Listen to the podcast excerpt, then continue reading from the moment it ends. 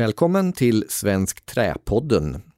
På Svensk Trä så jobbar vi med information, inspiration och instruktion för alla sorters trä och träprodukter. Jag heter Mattias Fridholm och jag leder verksamheten på Svensk Trä. Dagens poddavsnitt det är ett samtal som Svensk Trä spelade in som en ersättning för vårt årliga seminarium IBIT, Ingenjörsmässigt byggande i trä. Och om du föredrar att se detta samtal filmat, då finns det tillgängligt på Svenskt Träs hemsida www.svenskttra.se. Men om du tycker det är helt okej okay att bara lyssna så går det alldeles utmärkt här. Och med de orden så lämnar jag över till programledaren Thomas Alsmarker som ska presentera dagens ämne. Varmt välkomna till det här femte och sista programmet i seminarieserien om ingenjörsmässigt byggande i trä. Vi har i de andra programmen fått förmånen att förkovra oss i hur man kan arbeta mot brand och med ljud. Hur eh, vi kan förena en riktigt bra arkitektur med en framåtblickande industriell träbyggande. Vi har också fått insikter i vad som kan påverka kostnader uppåt och vad som kan påverka dem nedåt. Och vi har fått ta del av Malmö stads färdplan mot ett klimatneutralt samhällsbyggande 2030. I det här programmet så ska vi få lyssna till Gunnar Wetterberg som är historiker och författare och Katarina Lundeberg som är arkitekt på Embrace of Shadows om deras tankar kring tradition och framtid i trä. Om hur vi kan ta fatt i det redan tänkta och utveckla det vidare in i framtiden. Om det traditionella trähantverket. Finns det en risk att det håller på att försvinna? Eller kanske är det tvärtom? Nya metoder, nya arbetssätt, nya verktyg. Är de ett hot eller en möjlighet för det traditionella hantverket? Om sådana frågor ska vi nu sätta oss till bords och eh, tala med Katarina och Gunnar om. Häng med på en utvecklingsresa om trä. Som sagt, varmt välkomna Katarina och Gunnar. Tack. Känner ni er taggade? Absolut. Härligt. Eh, hantverk nämnde jag i inledningen och jag tänkte faktiskt börja där. Det är en lite halvfilosofisk fråga egentligen. Men vad är ett hantverk? Vem vill fånga den bollen? Ja, men jag kan börja. Eh, jag, jag, tycker att hantverk, eh, när man tänker på det traditionellt, då tänker man på, som arkitekt så tänker jag på eh, snickaren, takläggaren, någon som gör någonting med handen och sina verktyg. Men hantverk är ju någonting som utvecklas med tiden. Och eh, nu har vi kanske sett en tid där hantverket var på väg att försvinna. 60-talet säger jag, generaliserar.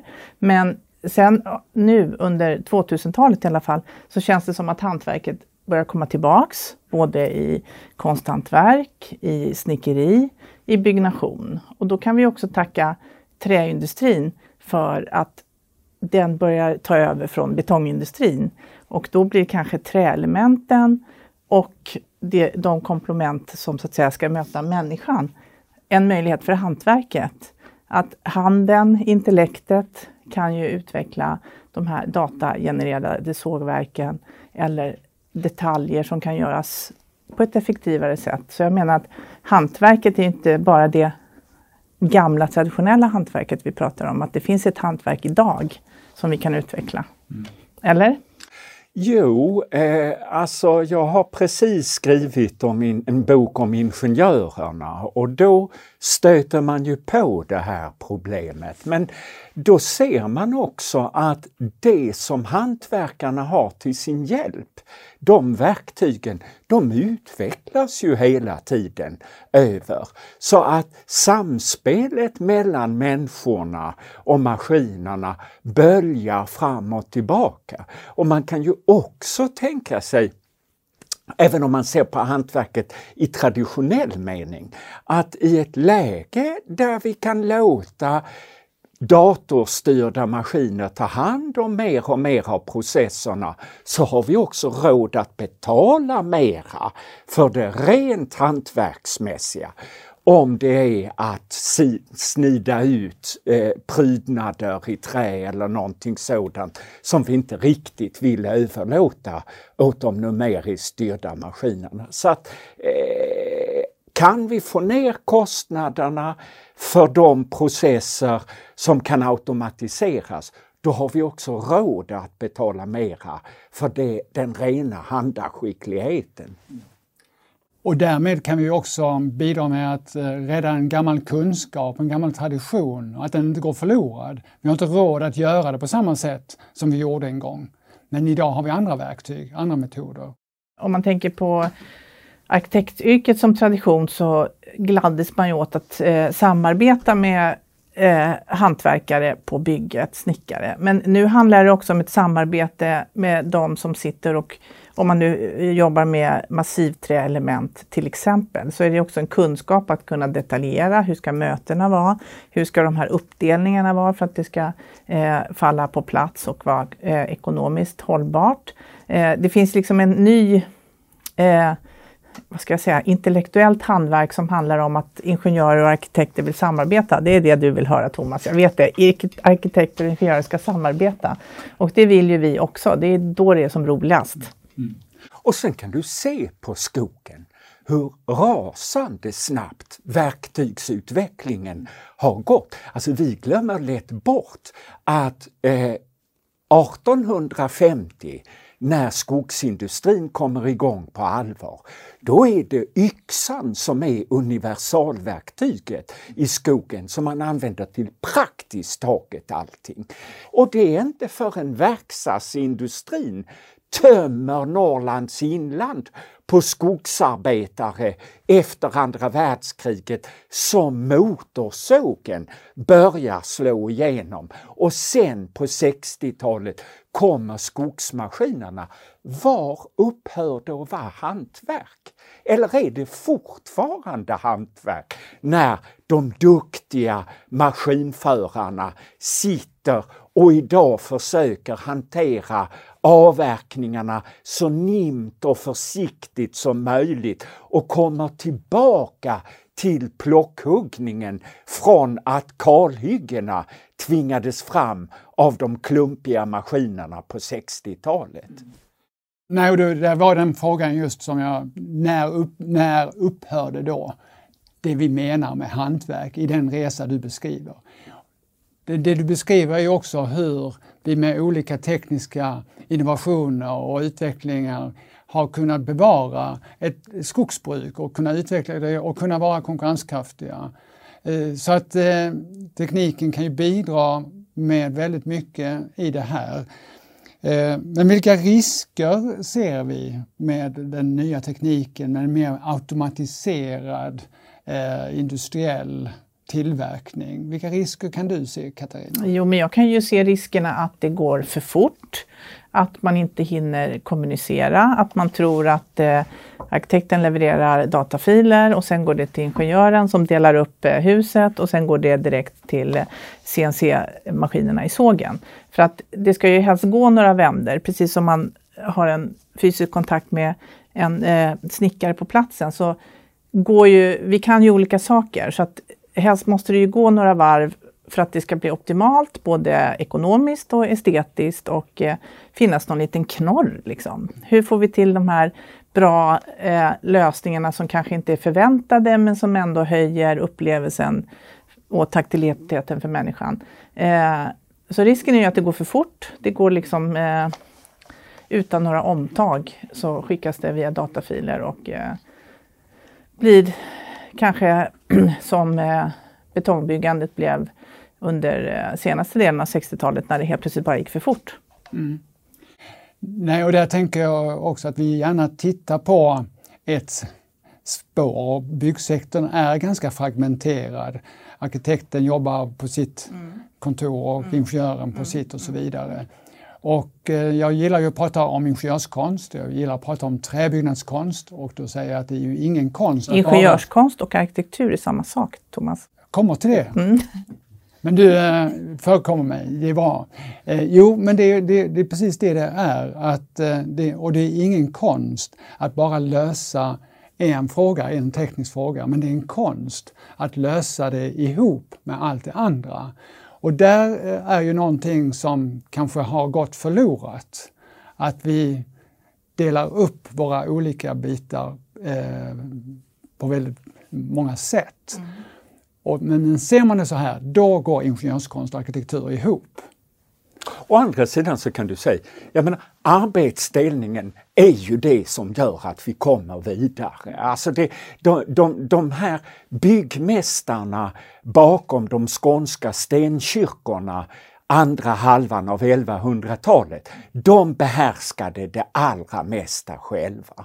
Men i takt med att deras olika kunnande har delats upp på fler händer så har vi också kunnat utveckla vart och ett av kunnandena. Och de var faktiskt på väg emot det själva också. Därför att en av de här arkitekterna och byggmästarna eh, som vi kallar för Trudemästaren, han byggde en vacker vacker kyrka utanför det som idag är Tomelilla.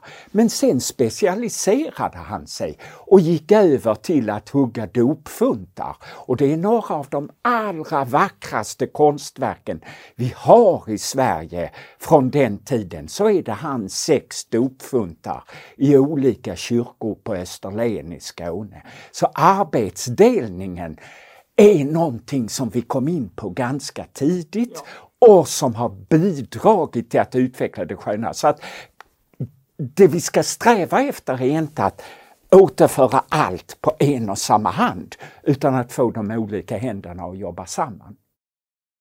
Där ser jag ju också då att modern teknik och moderna metoder kan främja eller hjälpa oss i det. Eh, moderna digitala verktyg som faktiskt är utvecklade för att stödja ett tvärfunktionellt arbetssätt och som gör att du liksom inte kommer undan, om jag uttrycker det så. Utan du måste sätta dig in i hur en ventilationskonsult eller hur en arkitekt eller en konstruktör tänker.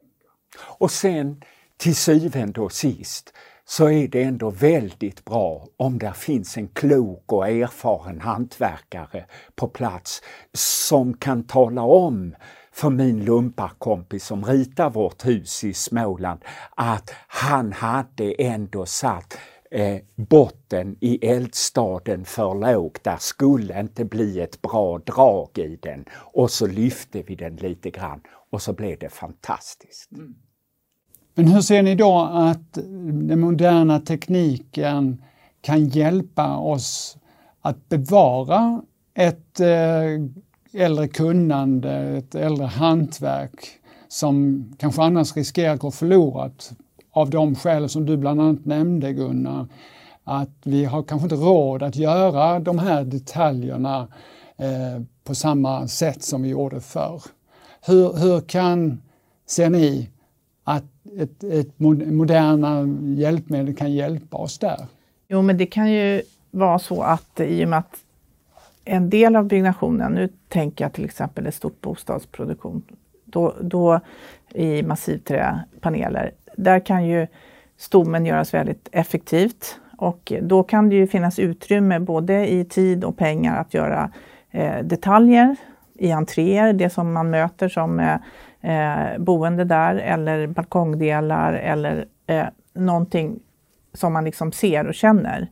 Eh, så att jag tror att kombinationen med en väldigt effektiv eh, CLT-produktion och kanske detaljer som kan vara varierade men som ändå kan göras på ett effektivt sätt. Och då får man väl lägga mer krut i tid på att utveckla dem för att det andra kanske är enklare. Eh, inget är enkelt, men det ena kanske är enklare och det andra är mer komplicerat. Sen tänkte jag ta ett exempel på att vi byggde ett eh, korsvirkes eh, stockhus med en tillverkare uppe i eh, Jämtland. Och de gör ju till exempel så att de bygger upp hela stockkonstruktionen inne i en hall. Förut så skulle de ju stå på plats med sin yxa och hugga till de där sakerna oavsett väder. Så att där kan ju också en hantverksteknik eh, användas på ett lättare sätt för att man kan ha väderskydd. Eh, också för att man får datafiler så att man ser hur det ska sättas ihop fast det måste ändå vara en hantverkare som sätter ihop det. Mm. Så att det gäller ju att utnyttja de här nya dataverktygen på rätt sätt. Ja men precis som vi har hela tiden använt ny teknik och nya verktyg för att förfina och utveckla eh, gestaltningen och detaljer. Och, och just med den här tekniken att vi kan då låta detaljer bli en del av arkitekturen, synliga mm. i rummet, så att säga. Generellt sett så kan man säga att det finns ju antagligen inga gränser för vad den nya tekniken kommer att kunna läsa in av gammal teknik och återskapa det. Utan där skulle jag i så fall vara rädd för det som Katarina var inne på tidigare, att de här möjligheterna utnyttjas alldeles för långt så att vi nöjer oss med att återskapa därför att vi kan återskapa finare och mer precis än vi gjorde tidigare och inte behåller den här öppningen för att nyskapa. För nyskapa är nog det vi kommer att ha svårast att lära de här intelligenta nya maskinerna. Och det måste ändå, för att det här ska vara roligt, finnas en öppning för det nyskapande och nytänkande. Och även om vi kan tycka att vi inte behöver det, så ska vi ändå göra plats för det. För annars kommer eh, de här möjligheterna att leda till en kreativ torftighet som vi inte vill ha i byggandet. Och det är en risk? Ja. Och då kan man säga att det är också en paradox. Därför egentligen så skapar ju tekniken utrymmet att du kan lägga din tid på det som är nästa steg i utvecklingen och inte bara göra en efterapning av det som gjordes förr, så att säga. Så att det, det är ju, det kanske är rätt mycket handlar om de som sitter bakom spakarna, om man får uttrycka det så. Ja, det handlar väl också om folkopinioner. Alltså jag kan bli lite bekymrad när jag ser det här arkitekturupproret eh, få väldigt genomslag i massmedia. Och så ordnar de en tävling om de vackraste byggnaderna i Sverige och det är bara den ena byggnaden efter den andra av gammalt sekelskiftes kitsch eh, som kommer upp. Så att eh, utrymmet Men, Ja, då finns det ju en annan falang då som när de bygger nya höga trähus i nya stadsdelar i Stockholm, Hagastaden, så säljs de här massivträhusen ut väl, alltså lägenheterna är ju nästan redan slutsålda. Så det finns ju en eh, efterfrågan, lika gärna som man vill vara, eh, äta nyttigt eller klä sig i bra kläder så vill man bo i sunda hus. Och det kommer vi få draghjälp av. Mm. Det tror jag bara vi har sett början på. Absolut. Mm. Men jag tänker också då hur vi tar vara på träets materialitet som vi ser här bakom oss, känsla, skönhet hur vi tar eh, vara på den i en mer, eh, allt mer industriell process, mer industriellt byggande. Hur, hur kan vi göra det? Vad är det som vi måste tänka på? Genom att ge Katarina större och större utrymme och fler och fler uppdrag. Nej men det är ju en skillnad att göra ett litet eh, eh, eh guldprojekt som det här, säger jag om ett eget projekt. Då. Men som, eh, det gör man ju för att man vill testa saker. Och sen får, kan man använda en del av det kunnandet när man gör eh, större projekt. Och då tar jag återigen det här med bostäder som exempel. Det handlar ju om var man kan exponera träet, hur man kan brandsäkra. Eh, det är en massa utmaningar som man ska lösa och det, det går ju. Eh, det går att sprinkla med vatten, det går att få exponera trä i vissa delar. Så att det handlar också om en, eh, ett mod hos eh, byggherrar och industrin och eh, en gemensam utmaning för arkitekter och ingenjörer att, att lösa det där, att få in de där detaljerna. Mm. Alltså, som arkitekt måste man alltid slå pannan lite blodig och vara väldigt envis. Så är det. Men sedan så också att inte överdriva vad det kostar att göra någonting som är vackert. Alltså, vi skulle bygga för 20 år sedan ett nytt hus och två familj i den skog som vi då hade i Småland. Och vi lät min lumparkompis Sven-Magnus Sjögren rita det här huset åt oss. Och när vi sedan skulle ta in offerter på det så visade det sig att det här lösvirkeshuset var inte kolossalt mycket dyrare än en byggsats att få på plats. Så att ibland så överdriver man kostnaderna för att göra någonting vackrare än det som är liksom middle of the run. Så att säga. Vi hade ju ett samtal här, ett program tidigare om just eh, kostnader och vad som kan driva eh, dem uppåt och eh, vad som kan bidra till att de går neråt.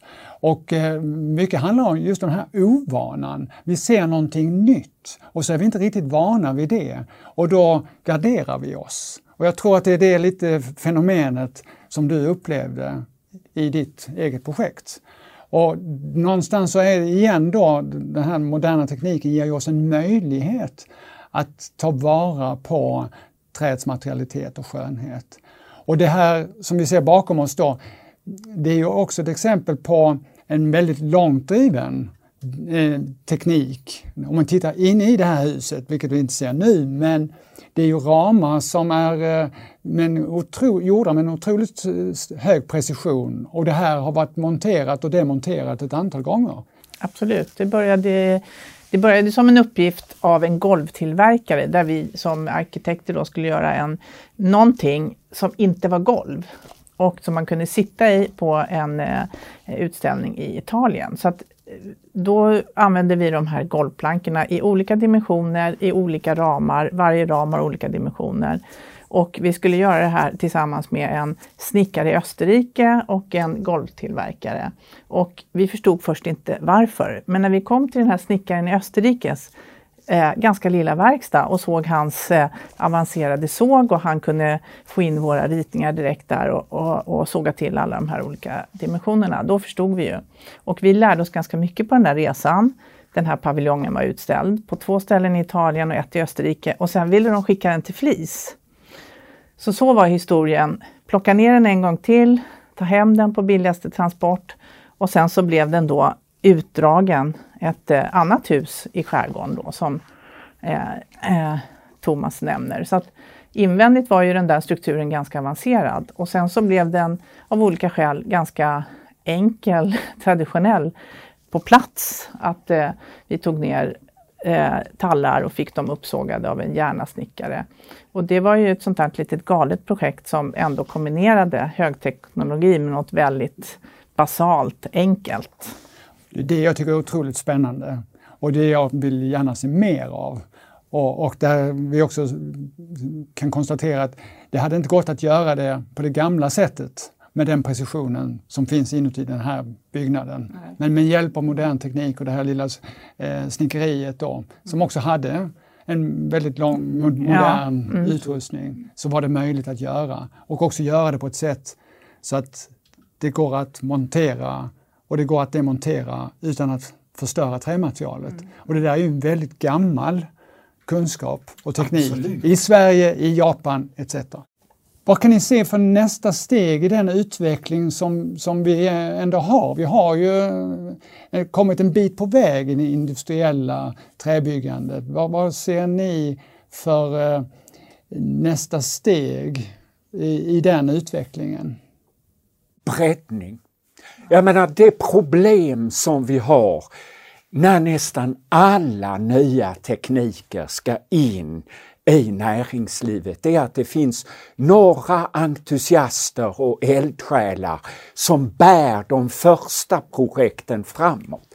Men ska det sedan slå igenom på allvar och hjälpa Malmö att bli eh, klimatneutralt, ja då måste det in i utbildningar. Det måste in i utbildningar av arkitekter, av byggnadsingenjörer, av byggare. Vi måste få många fler snickare.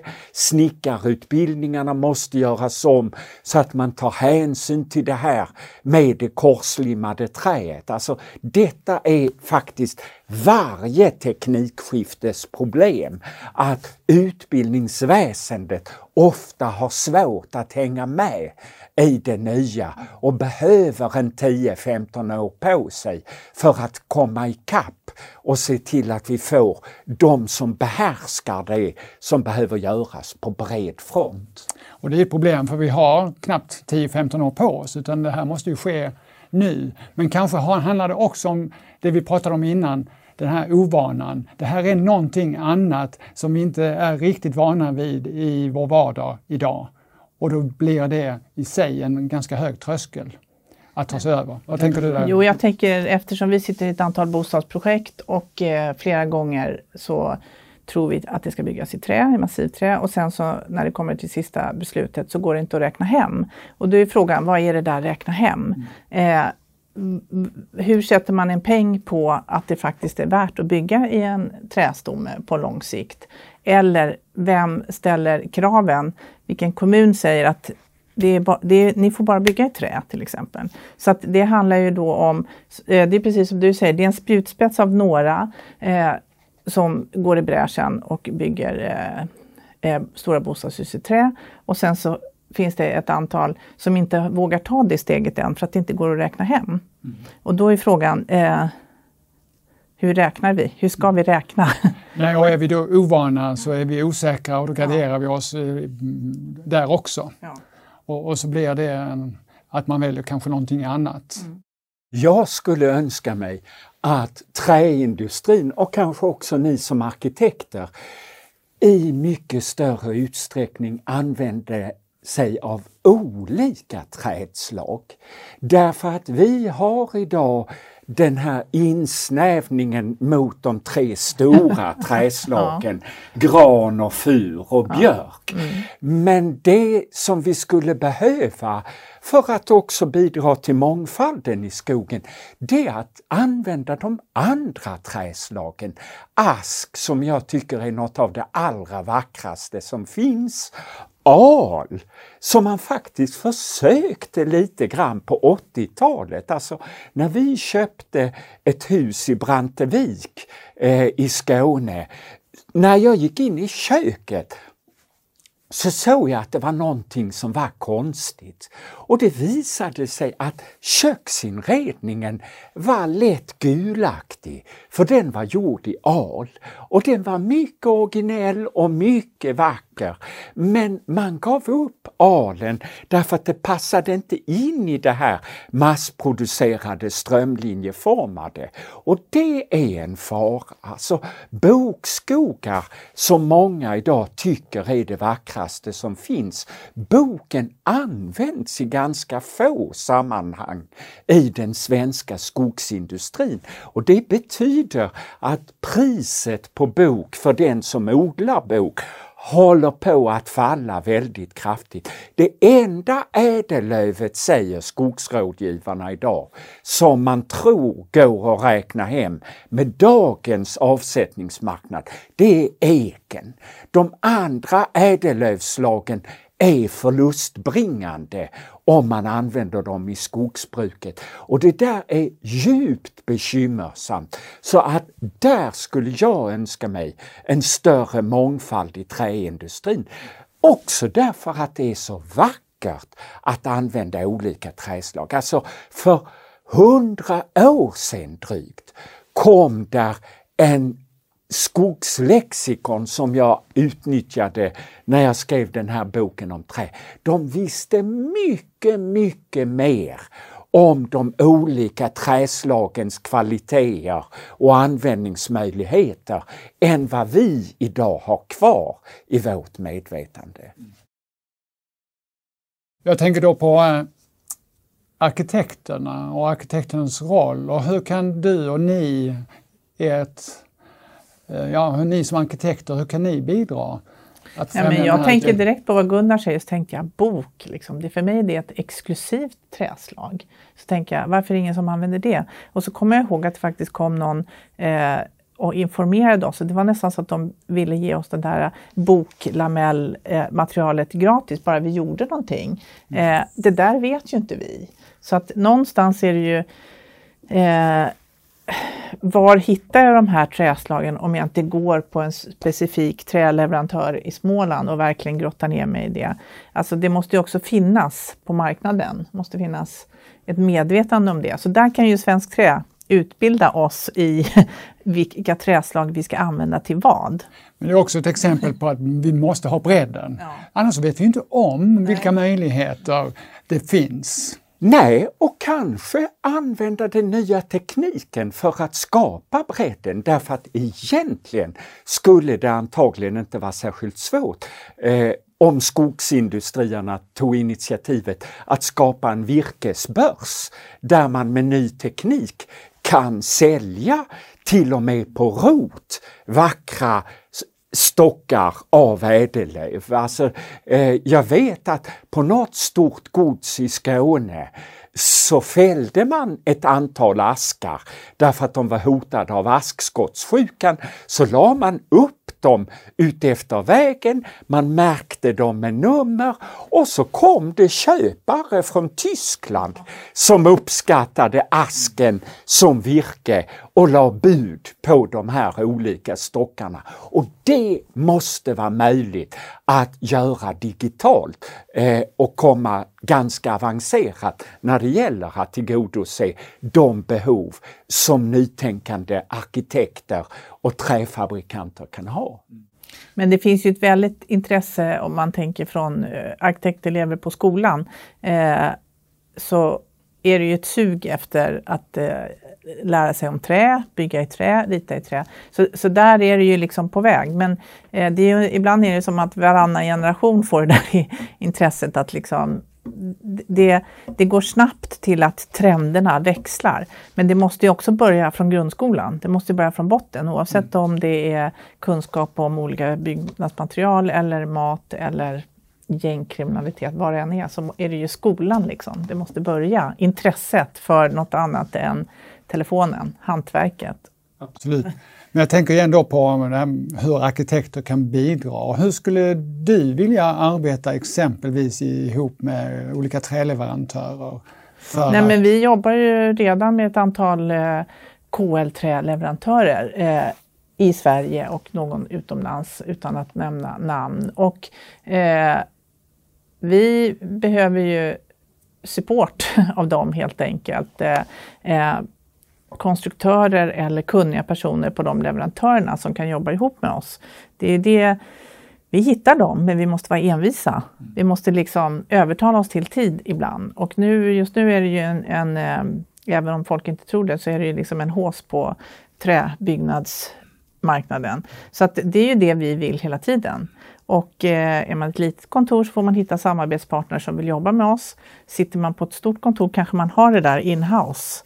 Eller som din dröm Thomas, att arkitekter och ingenjörer alla sitter på samma ställe.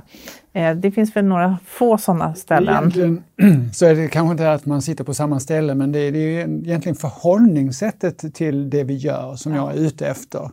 Och, och eh, att, att vi, jag tror att det är det som också kan avteckna sig i det färdiga resultatet. Huruvida det har varit, varit ett projekt där var och en har gjort sin del eller där man faktiskt på riktigt mm. har jobbat integrerat. Och det är inte bara så att säga, ingenjörer och arkitekter utan överhuvudtaget. Och där tycker jag att man kan inspireras en hel del av industridesignprocessen som har en mer en tätare dialog, ja. Eh, och, och, från början. Så, att, och, och det, så det finns många, många frågor att eh, ta i. Men ett exempel är ju de här träresorna som jag inte egentligen vet vem som initierar, där man har åkt runt till olika ställen, fabriker i Småland eller i Skåne. Och det är väl en till resa på gång tror jag, norröver. Det är ju ett utmärkt sätt liksom, att komma ut och se hur det faktiskt funkar. Mm. Om man skulle försöka avrunda här lite då och, och eh, jag uppfattar att eh, ingen av er egentligen ser att den moderna tekniken är ett hot mot hantverket, utan snarare tvärtom. Är det ungefär så? Ja. Ja, det kommer ju ett nytt hantverk kan man säga. Precis. Eller vi utvecklar ett nytt hantverk. Och att det utvecklas hela tiden. Och det viktiga är att ta fatt i den kunskap som finns och att också ta vara på den känsla och, ja, som finns just i materialet mm. trä. Eh, men att inte bara stanna vid att kopiera så som man gjorde förr, utan att använda det, möjligheten med den moderna tekniken, att ta det vidare ett snäpp till. Alltså vill man bli riktigt science fiction-mässig så var det en fantastisk utställning uppe på Tekniska högskolan eh, midsommaren 2019 där de visade hur man i olika labb runt om på universiteten har börjat manipulera polymererna i träet och få fram material med helt nya egenskaper som ändå är träbaserade.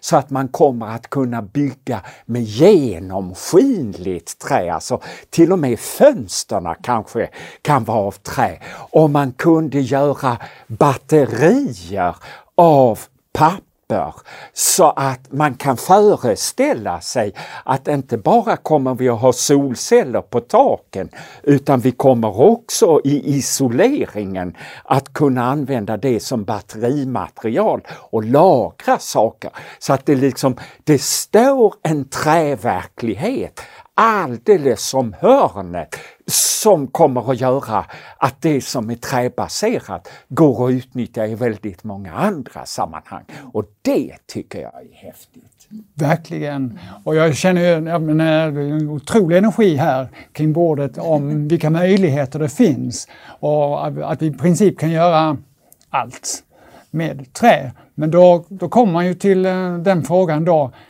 skogen då? Kommer den att räcka till? Ja, alltså vad man kan säga Dels finns det det här som många påpekar på att vi har en tillväxt i den svenska skogen som är större än vad vi tar ur den varje år. Jag skulle vilja säga, ja men om den svenska skogen inte räcker till, vad spelar det för roll? Då får vi ta skogen från något annat håll.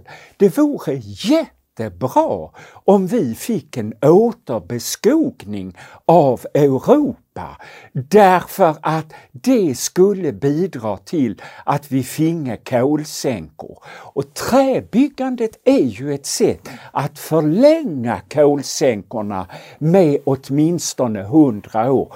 Om efterfrågan blir så stor att skogen stiger i pris därför att vi måste ta ur den, ja då betyder det att fler människor kommer att plantera mer skog. Kanske inte just i Sverige, men i resten av Europa. Jag menar, det är väldigt symptomatiskt att Södra Skogsägarna köper skog i Baltikum därför att då kan de trygga leveranserna till bruket i Mönsterås den vägen.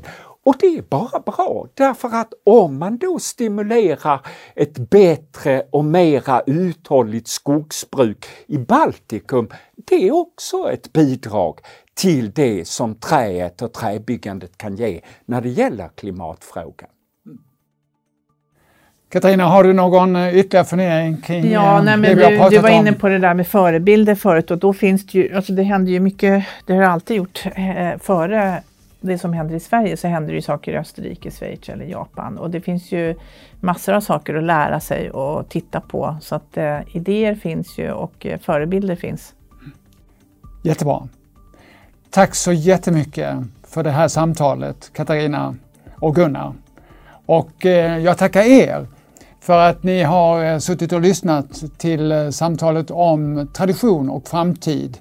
Och det här var som sagt det sista avsnittet, sista programmet i den här programserien som Svensk Trä har haft nu under hösten.